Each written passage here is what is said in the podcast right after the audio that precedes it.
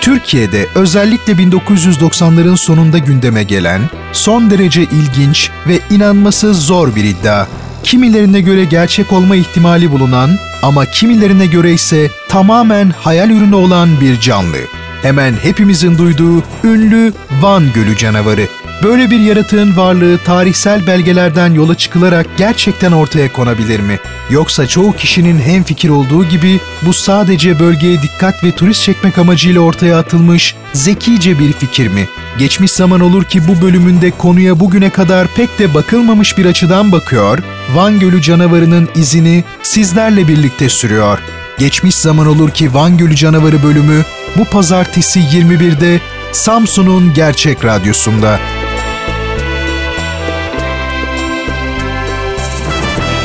Geçmiş zaman olur ki. Tarihin en ilginç olayları ve en renkli kişileri bu programda. Bertan Rona tarafından hazırlanıp sunulan Geçmiş Zaman Olur ki sizleri her hafta şaşırtıcı konularla dolu bir tarih sohbetine davet ediyor. Geçmiş Zaman Olur ki her pazartesi ve her cuma saat 21'de Samsun'un Gerçek Radyosu'nda. Geçmiş Zaman Olur ki başlıyor. başlıyor.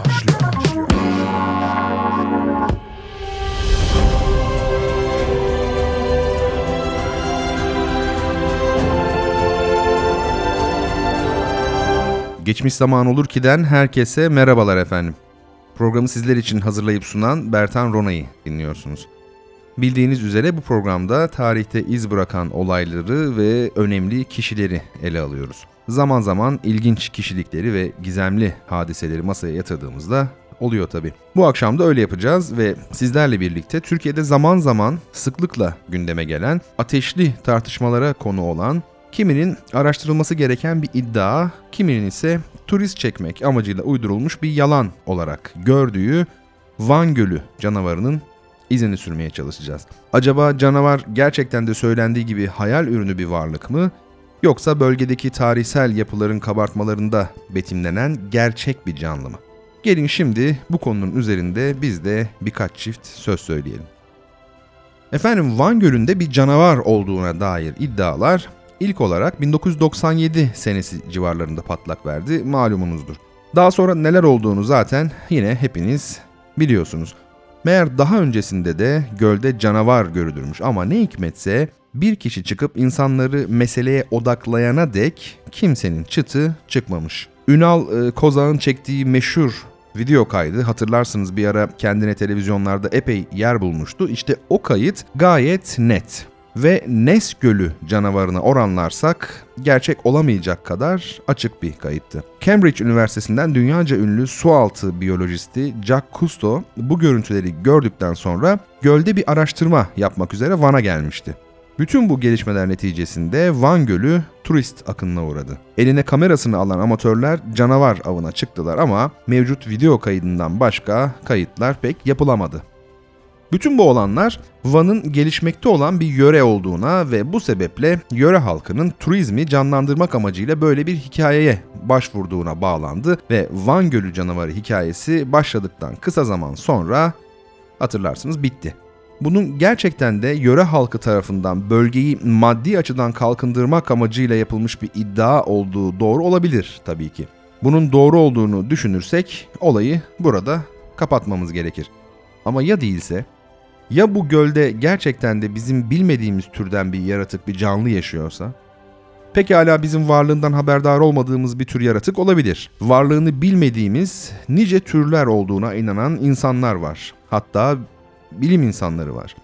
60-65 yaşlarında bir Vanlı o gölde çocukluğundan beri garip şeylerle karşılaştığını anlatmış ancak su yüzeyinde sadece birkaç kez varlığı seçebildiğini ve bunlarda da pek az bir kısmının sadece bir karaltı olarak görüldüğünü söylemişti. Ama o gölde görülen her ne ise bunun göl civarındaki sebzeleri yiyip göle girerek ve suyu yüzeyden havaya doğru püskürten bir büyükbaş hayvan olmadığı konusunda herkes sanırım hemfikir. Medyada civar köylülerle yapılan görüşmelerde bazıları bunu iddia etmişti.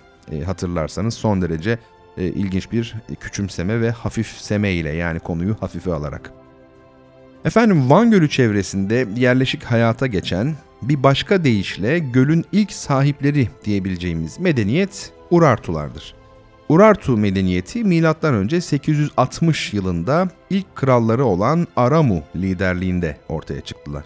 Van Gölü'nün o zamanlarki hali açıkçası tam bir cennetmiş anlatımlara ve tasvirlere göre. Hemen her çeşit ağacın çevrelediği, dağların muhteşem bir uyumla göle yansıması ve bir de Urartu medeniyetinin görkemi eklenince cennetin yeryüzündeki temsilcisi diyebiliriz tabiri caizse.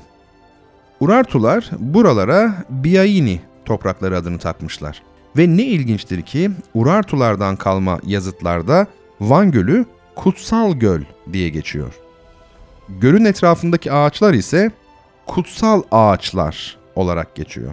Bu ağaçlar Urartulardan kalma birçok eşya, savaş miğferi ve kupanın üzerinde görülüyor. Kutsal ağaçları ve gölü ise Serafim adında bir yaratık ve bir cinin koruduğundan bahsediliyor. Acaba bu Serafim bizim aradığımız yaratık olabilir mi?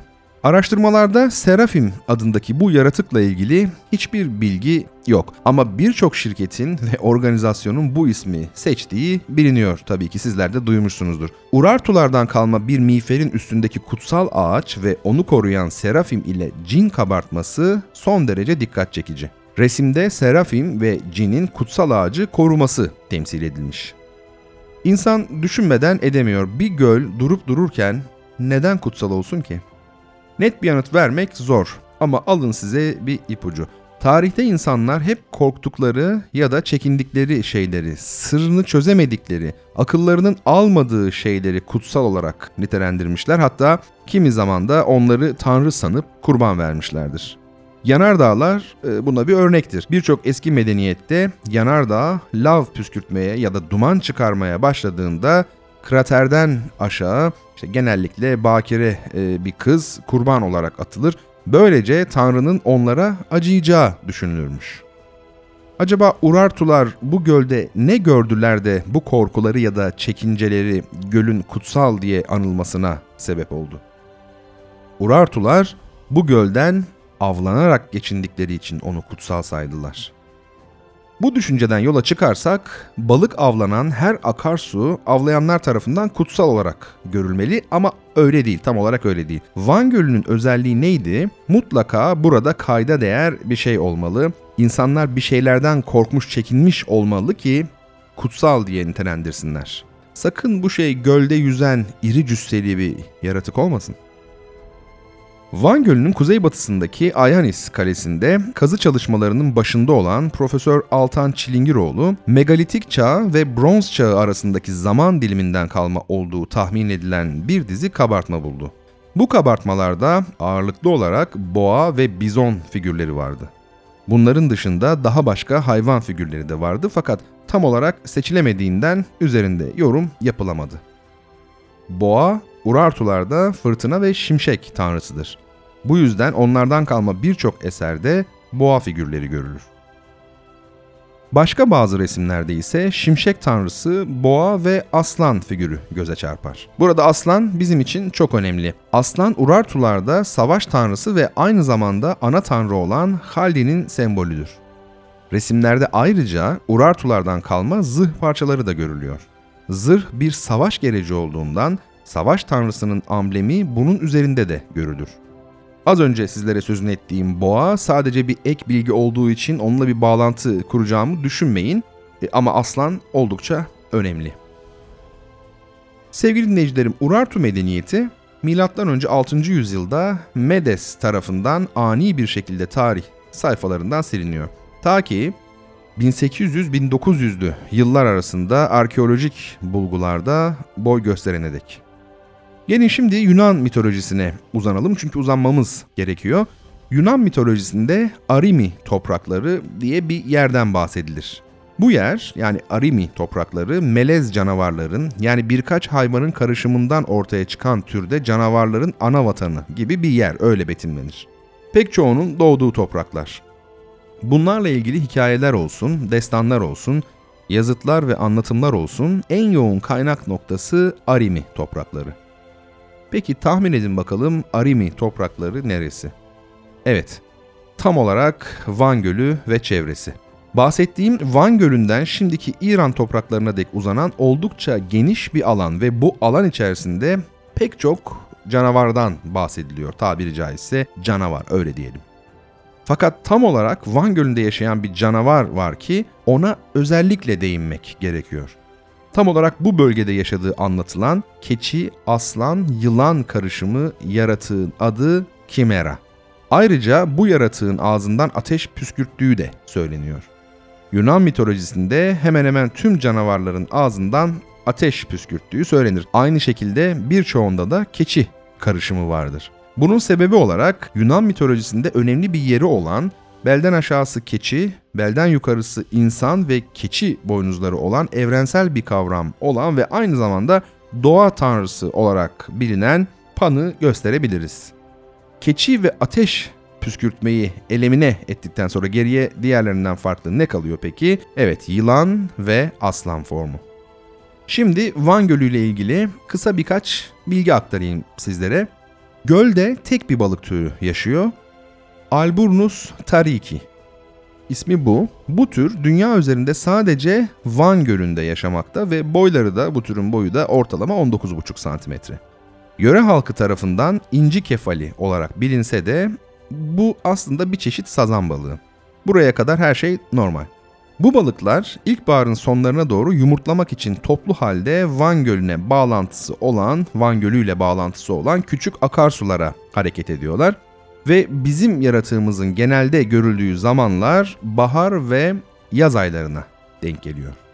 Acaba bizim sevimli canavarımız yiyecek sıkıntısı mı çekiyordu? Efendim Van Gölü'nde 4 adet ada bulunuyor. Bu 4 adadan biri olan Akdamar Adası ise duymuşsunuzdur kilisesiyle ünlü. Kilisenin 10. yüzyılda rahip mimar Manuel tarafından inşa edildiği söyleniyor. Duvarda yer alan bir bölümünde, bir kısımda bir dizi kabartmada ilk bakışta dikkatleri çeken bir şey var. Eğer hafızanızı biraz yoklarsanız e, bu görüntülerin kısa da olsa medyada gösterildiğini fakat üstünde fazla yorum yapılmadığını mutlaka e, hatırlarsınız. Birlikte bir hatırlayalım. O resimde bir teknenin içinde 3 kişinin dördüncüyü hemen aşağıda ağzını açmış bekleyen bir çeşit e, balığa ya da canavara doğru uzattıkları görülüyordu. Gayet açık ve net. E, şimdi başta konuştuğumuz kutsal varlıklara kurban verme olayına dönmüş olduk aslında. Burada çünkü bir kurban verme sahnesi gayet net biçimde canlandırılmış. Bunu başka türlü yorumlama imkanımız yok. Dördüncüyü tekne gezisine çıkarmış olamazlar zira. Evet, yılan gibi kıvrılmış bir balık, kanadı var ve kafası aslan kafası şeklinde.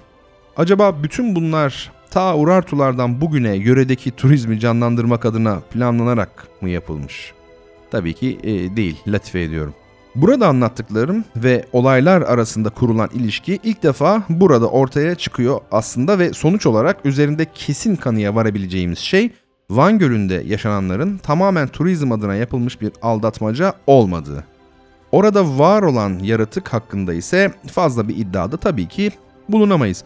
Çünkü eski anlatımlarda farklılıklar oldukça fazla. Olayın tarihi boyutunu ele aldığımızda bu yaratığın Urartulularca Serafim diye bilinen, Yunan mitolojisinde ise Himera diye geçen yaratıkla ilişkisi olması ihtimali oldukça yüksek görünüyor. Ancak olayın bir başka yönü daha var. Görgü tanıklarının ifadelerindeki tasvirler. Büyük çoğunluk gördükleri şeyin bir dinozora benzediğini söylemiş. Hatta resmi kayıtlara da dinozora benzeyen diye geçmişti Van Gölü canavarı. Bu ifadeler sonucu birçok sitede ve birçok çevrelerde göldeki varlığın bugüne kadar yaşamını sürdürmüş bir dinozor türü olabileceği ihtimali üzerinde durulmuştu. Hep birazdan yakıştırılan tip ise Stegosaurus oldu. Efendim Stegosaurus e, bu yaratık amfibiyan familyasındandı. Yani hem karada hem de suda yaşayabiliyordu. 12 metre uzunluğunda ve 7 ton ağırlığında olan bu tür aynı zamanda Van Gölü'ndeki yaratığın kalıplarına da uyuyordu. Belki de bu yüzden Stegosaurus'u yakıştırdılar Van Gölü canavarı için ama böyle bir hataya nasıl e, düştüler anlamak mümkün değil. Çünkü Stegosaurus genelde eğrelti otlarıyla beslenen bir otobur canlı. Ot yiyerek beslenen bir hayvan. Ama bir başka dinozor türü ise Cryptoclidus ve eğer gölde gerçekten eski çağlardan kalma bir dinozor varsa buna en uygun olanı Cryptoclidus olurdu diyebiliriz. Bu yaratık 8-9 metre uzunluğunda ve 8 ton ağırlığında ve etobur. Yırtıcı yani etle besleniyor. Neredeyse gövde uzunluğunun yarısı kadar olan yüzgeçleri bir kanat görünümünde. Gördüğünüz gibi e, kanat olayı yine burada da karşımıza çıktı. Ayrıca buna ait fosillerin bulunduğu yerlere bakılırsa yani İngiltere, Kuzey Fransa, Rusya, e, Güney Amerika gibi yerlere bakılırsa bu yaratık e, her koşulda yaşamaya elverişli bir yapıya sahip. Evet sevgili dinleyicilerim bu bölümümüzün son sözünü söylemek bizim için kolay ama e, Van Gölü ve barındırdığı yaratıkla ilgili son söz ancak gerçekten bir yaratık çıkıp kameralara saatlerce farklı açılardan poz verdiği zaman söylenecek gibi. E tabi bunu beklemektense bir an önce gölü ciddi bilimsel araştırmalara tabi tutmak lazım. Ayrıca diyelim ki böyle bir yaratığın varlığı ispatlandı. O zaman hem bir fenomeni aydınlatmış hem de dünyaya e, Türkiye'nin Van'ın sesini çok acayip bir şekilde e, duyurmuş oluruz. Dememiz o ki her e, doğruda bir yanlış olabileceği gibi her yanlışta da bir doğru bulunabilir. Her düşünceyi benimsemek elbette doğru değil ama hepsine de kapıları kapatırsak gerçeğe asla ulaşamayız gibi görünüyor. Neyse efendim bu akşamlık bizden bu kadar olsun. Bu bölümümüzde son yıllarda ülkemizde zaman zaman sıkça tartışılan Van Gölü canavarı hakkında kısa ve kişisel bir yorumda bulunduk. Yer yer esprili bir yorumda bulunduk. Bunu yaparken olabilir.tripod.com internet sitesindeki bir yazıdan yararlandık. Ben Deniz Bertan Rona. Geçmiş zaman olur ki sizin için hazırlayıp sunuyorum. Programımı her hafta pazartesi ve cuma akşamları saat 21'de Radyo Gerçek'te dinleyebilirsiniz. Böylece tarihin ilginç ve önemli olaylarını, kişilerini benimle birlikte hatırlamış olursunuz. Önümüzdeki bölümde yeniden bir arada olabilmek dileğiyle esen kalın.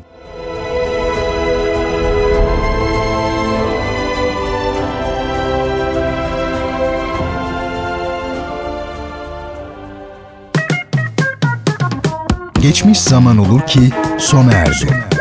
Bu program hakkındaki düşüncelerinizi dinleyen et radyogercek.com adresine mail atarak bize ulaştırabilirsiniz.